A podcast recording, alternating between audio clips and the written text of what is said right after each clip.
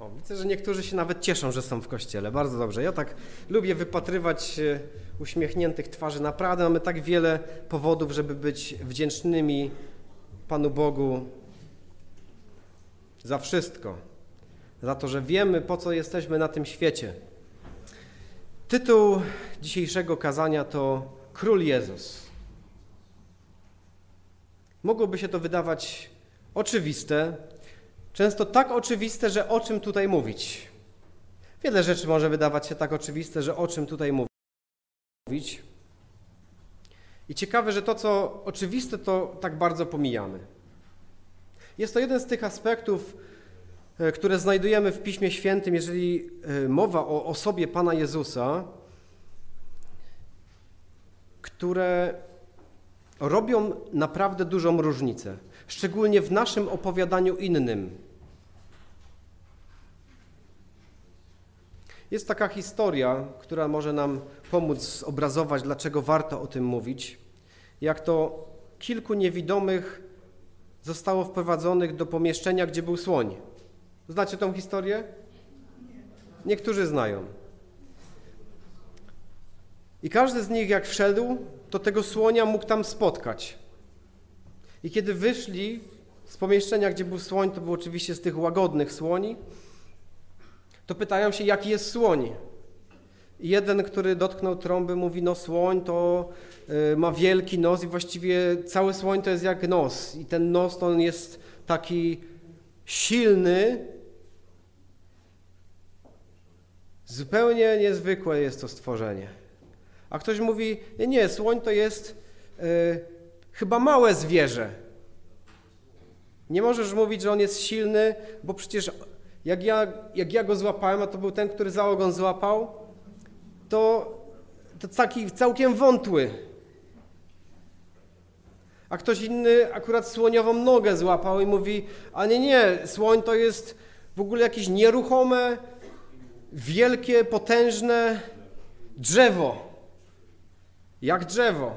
Czyli każdy coś innego spotkał, dotknął i miał jakąś swoją, swoją opinię na ten temat. I my też tak trochę jak niewidomi.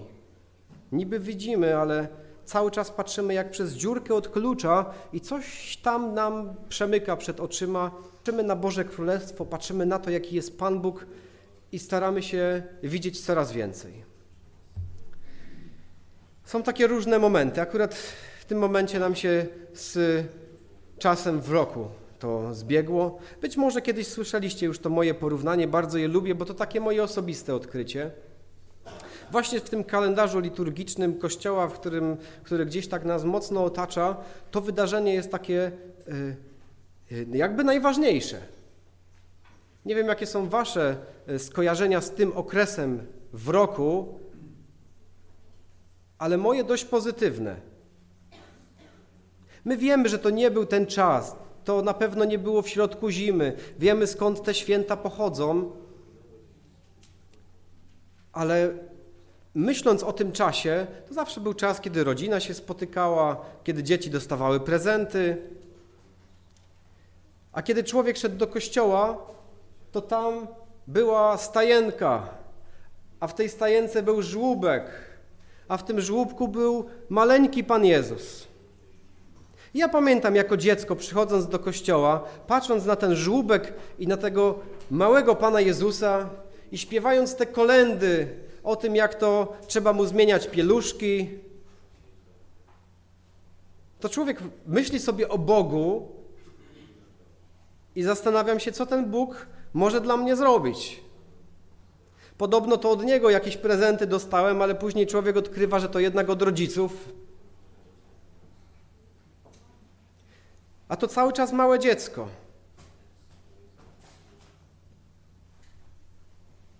Któremu trzeba zmieniać pieluszki. Cóż on może zrobić dla mnie? Mija trochę czasu w kalendarzu i pojawia się kolejne najważniejsze święto. Wielkanoc. No to święto możemy powiedzieć, że nawet jest w biblijnym czasie.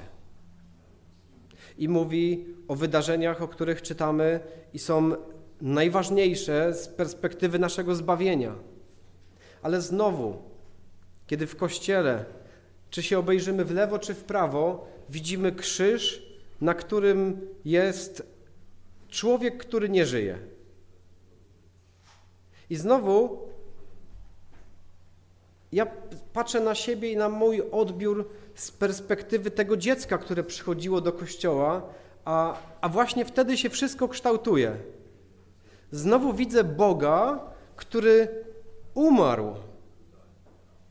I mimo, że trwało to tak krótko, na krzyżu Pan Jezus po tym, jak umarł z powodu naszych grzechów, dla naszego wyzwolenia, Trwało to tak krótko, ponieważ za chwilę z tego krzyża został zdjęty, nawet w grobie tylko chwilę spędził, ponieważ później powstał do życia, pokonał śmierć. Ale wszyscy przychodząc do kościoła ciągle tylko widzą Pana Jezusa na krzyżu, który umarł. I znowu to samo pytanie, co On może zrobić dla mnie? Najpierw jako małe dziecko, a później jako ktoś, kto nie żyje.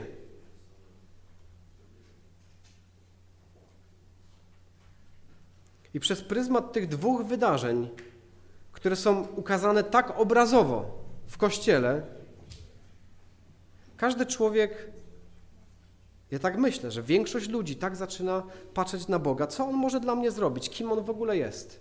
I największym problemem jest to, że ludzie nie czytając Pisma Świętego, zostają przy tych dwóch wydarzeniach, przy tych dwóch obrazkach. To są piękne wydarzenia, bo najpierw jest wydarzenie, kiedy Bóg przychodzi na świat. A drugie wydarzenie jest, kiedy Bóg tak bardzo kocha człowieka, że gotów jest sam życie oddać.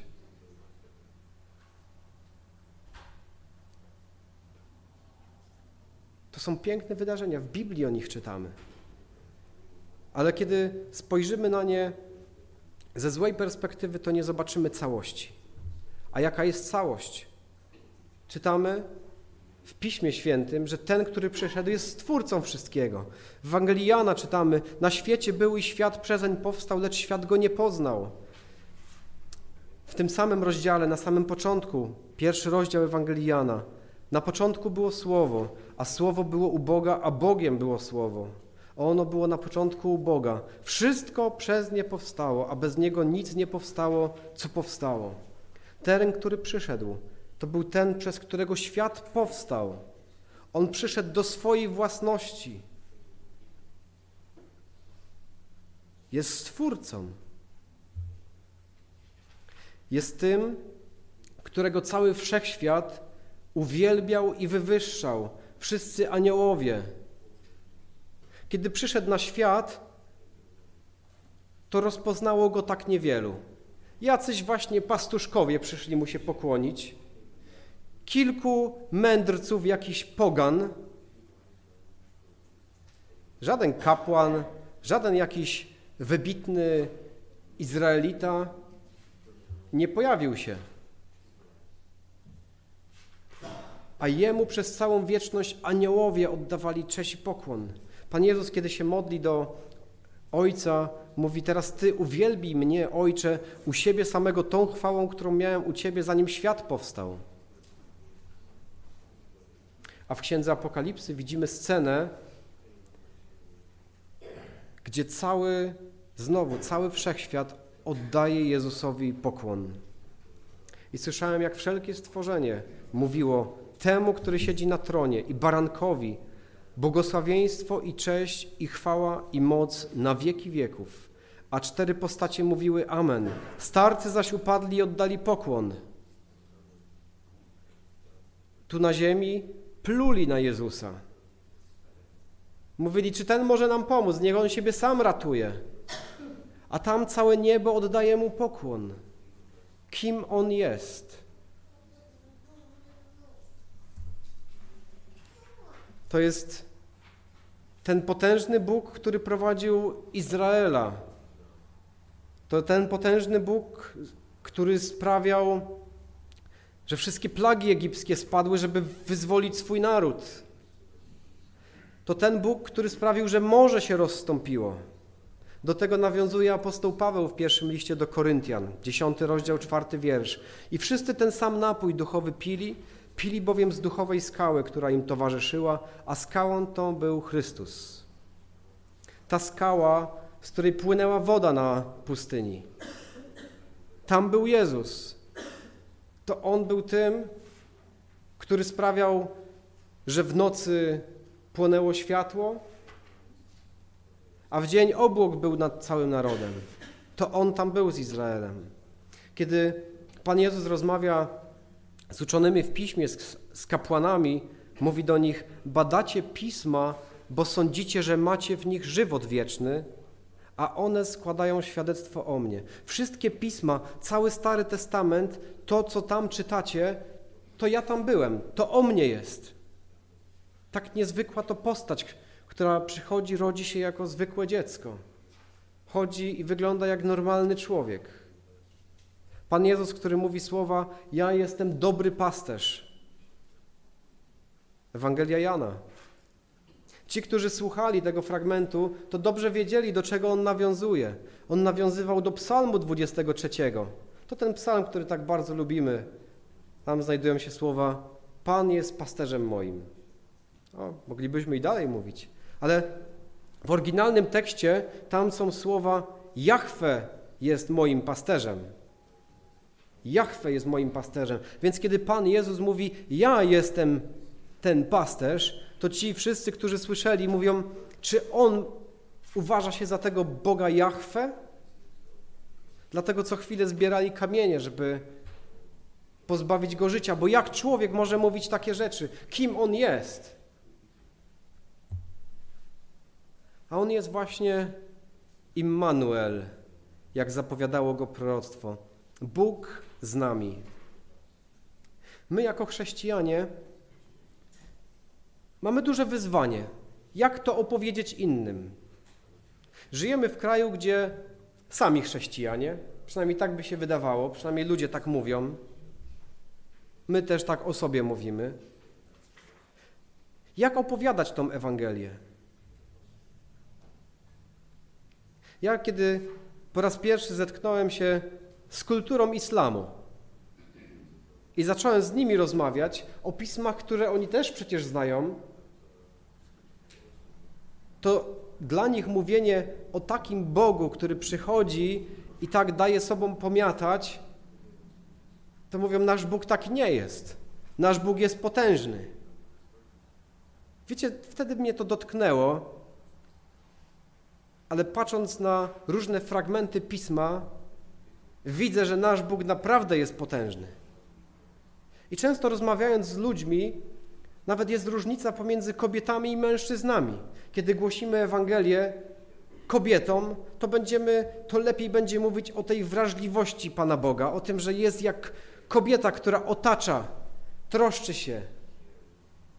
Ale kiedy będziemy rozmawiać z mężczyzną, to powiemy: Nasz Bóg jest odważny. Nasz Bóg niczego się nie bał. Nie bał się przyjść na ten świat. Stał wobec tych, którzy go oskarżali. Jest odważny. I właśnie ten aspekt, że ten Jezus, którego my znamy i często patrzymy na niego przez pryzmat tego małego dziecka albo tego człowieka, który umarł na krzyżu, nasz Bóg jest królem. Nasz Bóg jest potężnym władcą całego wszechświata. Jest historia, którą bardzo lubię. Być może ją kiedyś już słyszeliście, bo ja ją tak bardzo lubię, ale ponieważ pasuje również do tej historii, bo opowiada o królu. I to jest ten moment, kiedy dzieci się budzą, bo to będzie dla Was świetna historia.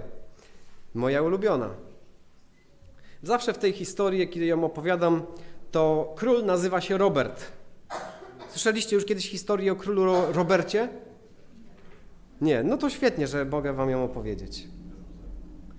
Będzie w krótszej wersji, bo tą historię można opowiadać nawet w bardzo długiej wersji, że całego kazania by nawet zabrakło. Ale król Robert to był ten dobry król.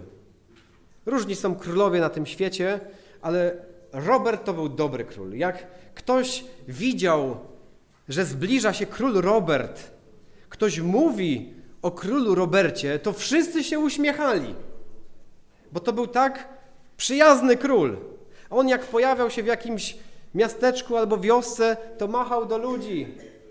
A ludzie, kiedy go widzieli, to machali do niego. Możecie nawet teraz pomachać. I się uśmiechali, machali. Bo król Robert wywoływał same dobre emocje. On był gotów zająć się sprawami zwykłego człowieka, z normalnym człowiekiem porozmawiać. Taki król był. Więc wszyscy go lubili. I król Robert, kiedy kolejny raz objeżdżał swoje królestwo, był piękny dzień i świeciło słońce i niebo było błękitne i ptaki krążyły wokół karocy króla Roberta. Taki piękny obrazek, taki idealny.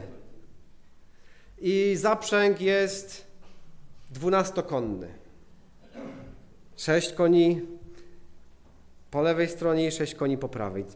Co najmniej tyle koni tam było w tym zaprzęgu. I król Robert jedzie i wychyla się z swojej karecy, karoty i, e, i do wszystkich macha i wszyscy do niego machają. I kiedy wjeżdża do miasteczka, młyny oczywiście się kręcą i mielą mąkę e, i owce radośnie skaczą na górach i nawet e, psy radośnie szczekają. Wszyscy się cieszą, że zbliża się król Robert. Król Robert wychyla się i patrzy i zobaczył ją. Zosia. Dzisiaj nazywa się Zosia. Zawsze jakoś inaczej. On jest zawsze Robert, a ona zawsze inaczej. Jak zobaczył Zosię, to go zamurowało. Zakochał się od pierwszego wejrzenia. Może Wam się już teraz przypomina ta historia. A może nawet już czujecie, co może zdarzyć się dalej. No wiadomo, że król Robert nie mógł wyjść ze swojego powozu, żeby podejść do niej i powiedzieć: Jestem Robert. Jak masz na imię? No wiadomo, że nie mógł tego zrobić, bo jest królem, a, a jakby do niej podszedł, to przecież ją by bardziej zamurowało niż jego, jak ją zobaczył. Więc nie mógł tego zrobić. I od razu szukał sposobu, jak w ogóle ją poznać. Ja wierzę w miłość od pierwszego wejrzenia. Król też w nią wierzył. Wiecie, co zrobił król? Wrócił do swojego zamku, zjął swoje królewskie szaty, swoją królewską koronę i ubrał się jak zwykły człowiek, żeby pójść do tego miasteczka i zamieszkać jak zwykły człowiek, żeby spotkać ją i poznać się z nią. To była jedyna szansa dla króla Roberta, żeby ona naprawdę zakochała się w nim, a nie w tym, że on jest królem. No i tak zrobił i poszedł. Był dobrze zbudowany, był królem, wywijał mieczem i w ogóle chodził na siłownię, więc y, było dużo zajęć dla e, króla Roberta. Zatrudnił się, e, u, u Kowala się zatrudnił. Tak, on zawsze pracuje u Kowala, ma okazję tam wykorzystać swoją siłę, wykuwał podkowy, wykuwał różne noże, wykuwał sierpy i kosy wykuwał i przy okazji się rozglądał. Dowiedział się, że ona jest córką mleczarza, to bardzo pasuje w tej historii, bo jak ona jest córką mleczarza, to jemu jest trochę łatwiej. Wiecie, jak ona nie byłaby córką mleczarza, to ja nie wiem, gdzie on by ją mógł spotkać. A tak jak ona jest córką mleczarza, to on chodzi po mleko. I kupuje mleko i wtedy dowiaduje się, że ona się nazywa Zofia. No i nie jest mężatką, ona jest idealną kandydatką w której się można zakochać. I tak kiedy kolejny raz przychodzi i ona otwiera drzwi, to on zapomniał po co przyszedł. A on przychodził po to mleko tak często, że dobrze, że nie wiedział, że ta laktoza może jest szkodliwa. I sery, i wszystko kupował, nawet jak nie zjadał, rozdawał innym, tylko po to, żeby do niej przyjść i się z nią spotkać, bo taki był zakochany. I wiecie, ona zaczęła go lubić. I zrobiło się tak bardzo przyjemnie i znowu te e, ptaki latają wokół i śpiewają, kiedy oni tam idą i rozmawiają. Król Robert zakochany na całego. Ale wiecie, najlepsze jest to, że ona też się w nim zakochała. To jest idealna historia. I pewnego dnia Robert mówi, nikt nie wiedział oczywiście, kim on jest. To było najważniejsze w tej historii. Pewnego dnia Robert mówi, że on musi na chwilę wyjechać. To każdy czasem musi na chwilę wyjechać. No i wyjechał. Nie było go kilka dni. Życie płynie normalnie, aż tu nagle na wzgórzu pojawia się orszak królewski. I ludzie mówią, o jak cudownie jedzie nasz król, nasz ukochany król. Wszyscy nagle wyszli z swoich domów, znowu owieczki wesoło podskakują na łące, psy wesoło szczekają. Jest cudowny moment, cudowny dzień, znowu król, nasz król się pojawia. I kiedy powóz królewski dotarł do środka, dojechał do rynku, kiedy otworzyły się drzwi, w sumie jak zwykle, bo on zawsze wychodził, żeby się chwilę przywitać i pomachać. Tego dnia, kiedy pojawił się i wszyscy przyszli na ten rynek i otworzyły się te drzwi, pojawił się król i zdjął koronę. I zdjął swoje królewskie szaty. A ludzie zaczęli przecierać oczy ze zdumienia. Mówią, przecież to jest Robert. To jest ten Robert, który pracował u Kowala. Co to ma znaczyć? A on mówi, to jestem ja. To jestem ja, Robert. To jestem ja, król Robert. Zofio, wyjdziesz za mnie? Żyli długo i szczęśliwie. Taka historia, którą można opowiadać, oczywiście dużo ciekawych wątków w niej znajdować i rozwijać ale mniej więcej ta historia ma nam pokazać, kim jest nasz król. Ponieważ różne sposoby nie działały. Kiedy góry się trzęsły, a ludzie mówili: Tak, tak, zrobimy wszystko, co mówisz. Jesteś cudownym Bogiem. A za chwilę i tak szli i robili swoje. Kiedy ludzie byli tak zepsuci, iż Bóg, żeby ratować nas, nasz świat, potop zesłał. To zaraz inni mówią, co to za Bóg miłości, który potop zsyła i zabija tyle innych ludzi. A kiedy mamy wojny i ludzie mordują innych ludzi, to inni się pytają, czemu ten Bóg nic nie robi? Gdzie cokolwiek ten Bóg robi, to komuś się nie podoba. Jak próbuje ratować, to się nie podoba, że zabił bezbożnych. A jak nie zabija bezbożnych, to też są niezadowoleni, że nie zabił bezbożnych. Więc Pan Bóg, nasz cudowny i niezwykły król wszechświata, stwórca wszystkiego, postanowił zrobić coś tak dziwnego. Przebrał się w nasze ludzkie szaty zdjął swoją koronę i swoją chwałę odłożył gdzieś na półkę. I przyszedł jak zwykły człowiek.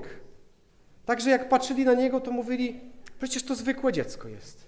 Jedni tak mówili, jak ci kapłani, którzy wzięli Jezusa tam w świątyni, to mówili: Dziecko jak dziecko. Mnóstwo takich tu przynoszą do świątyni. A inni brali to dziecko i mówili: Panie, dziękuję Ci, że mogłem zobaczyć zbawienie Twoje. Taki król. I tak naprawdę cała historia naszego świata, na którym żyjemy, to historia królestwa. Pan Bóg stworzył cudowne królestwo, gdzie naprawdę barany wesoło skakały, psy szczekały radośnie, a ptaki latały nad głowami ludzi. Adama i Ewy.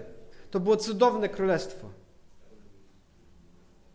Problem w tym, że Adam to królestwo oddał diabłu. A diabeł wziął koronę, założył na głowę i mówi, to teraz moje królestwo.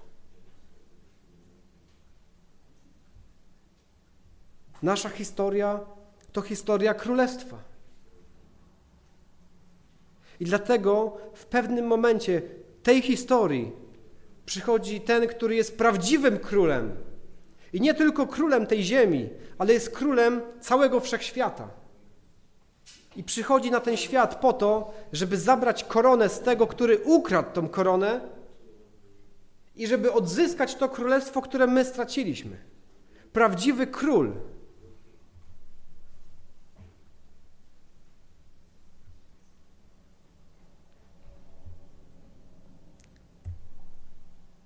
Zobaczmy trochę tekstów, które nam o tym mówią. To jest prawdziwy król.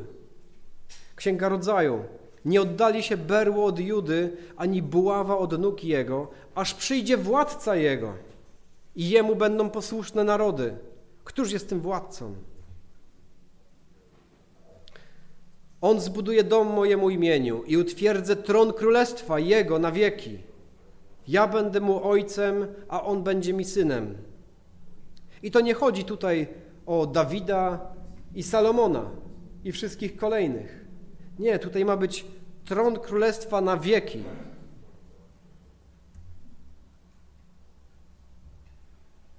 W psalmie czytamy: Rzekł do mnie: Synem moim jesteś, dziś cię zrodziłem. To nie jest mowa ani o Salomonie, ani żadnym innym królu. To mowa jest o zmartwychwstaniu Jezusa. Bo ten prawdziwy król, który przyszedł, on prawdziwie swoje życie oddał za nas. I przez zmartwychwstanie staje się synem Bożym. Czytamy o tym w liście do Rzymian, w dziejach apostolskich.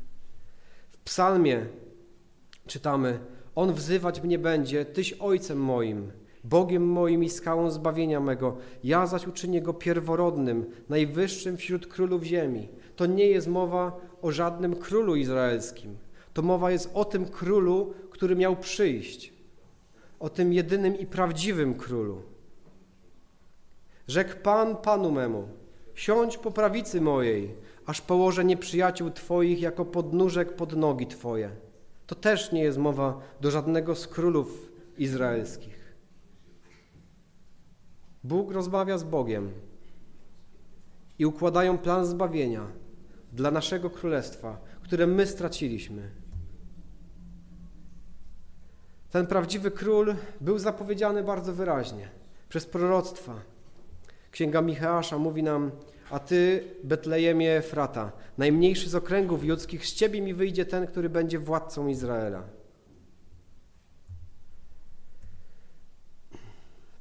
Czytamy w Ewangelii Mateusza dalej o tym królestwie, które Pan Jezus ogłasza, kiedy przychodzi jako ten król, który miał przyjść.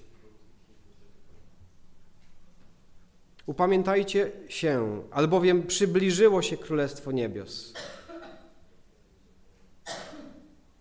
Błogosławieni ubodzy w duchu, albowiem ich jest Królestwo Niebios. Biblia i również Nowy Testament cały czas nam mówią o Królestwie.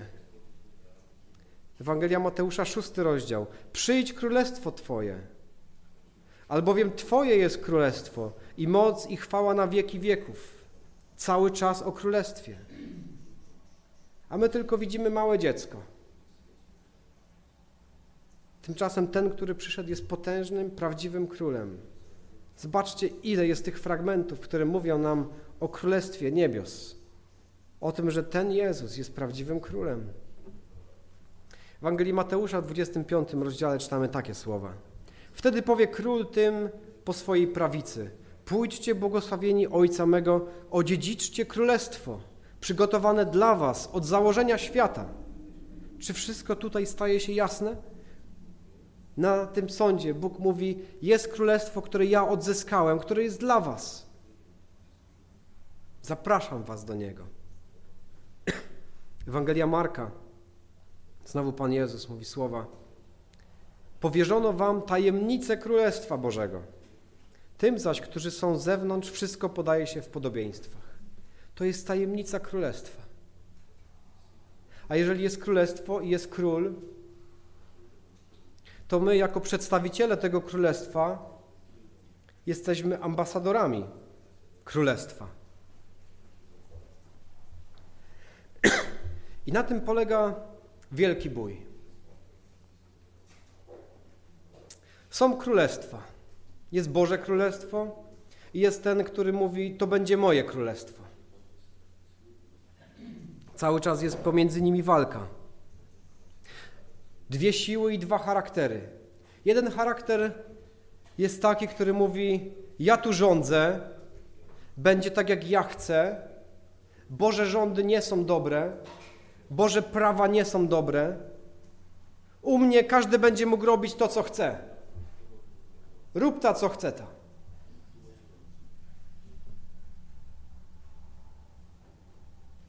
A drugie królestwo ma swojego przywódcę i jego charakter. Ten przywódca mówi: Człowieku, kocham cię. Chociaż tyle razy mnie zasmuciłeś i odszedłeś ode mnie, ja cały czas Ciebie szukałem, różnymi sposobami. Zrobiłem wszystko, żeby Ciebie szukać i znaleźć i ratować. Jestem gotów nawet moje życie dać, żeby Ciebie odzyskać.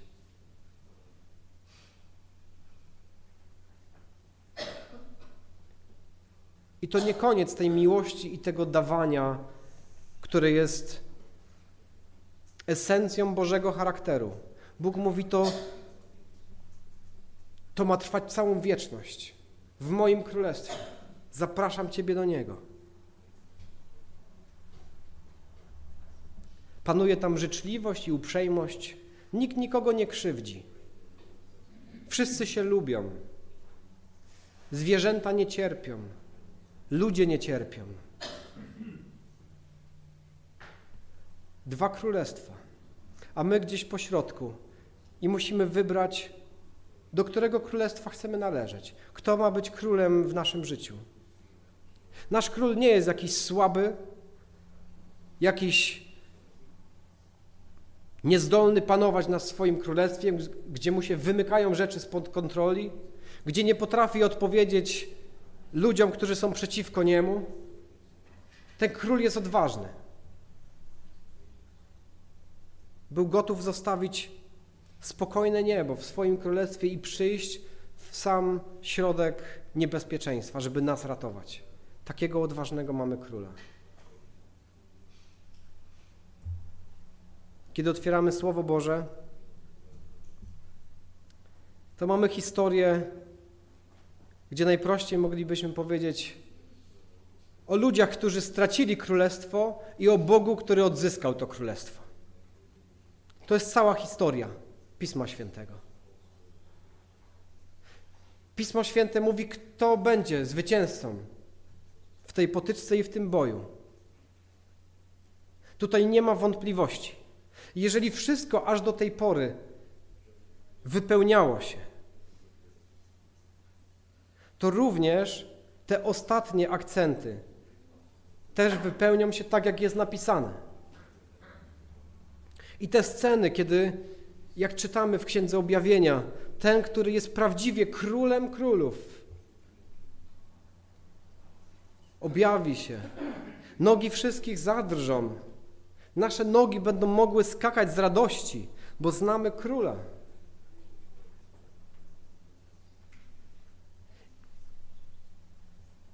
I kiedy tak spojrzałem na, na to, z tej perspektywy, na to, kim jest Jezus, król,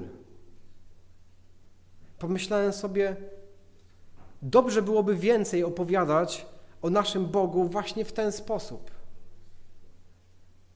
Zwycięski, niezwykły, stwórca wszystkiego, godny i dostojny, ze wspaniałym charakterem, najlepszy król, jaki mógł nam się trafić. I mówi: Zapraszam Cię do mojego królestwa. I wciąż mówi do innych ludzi wokół: Zapraszam Cię do mojego królestwa.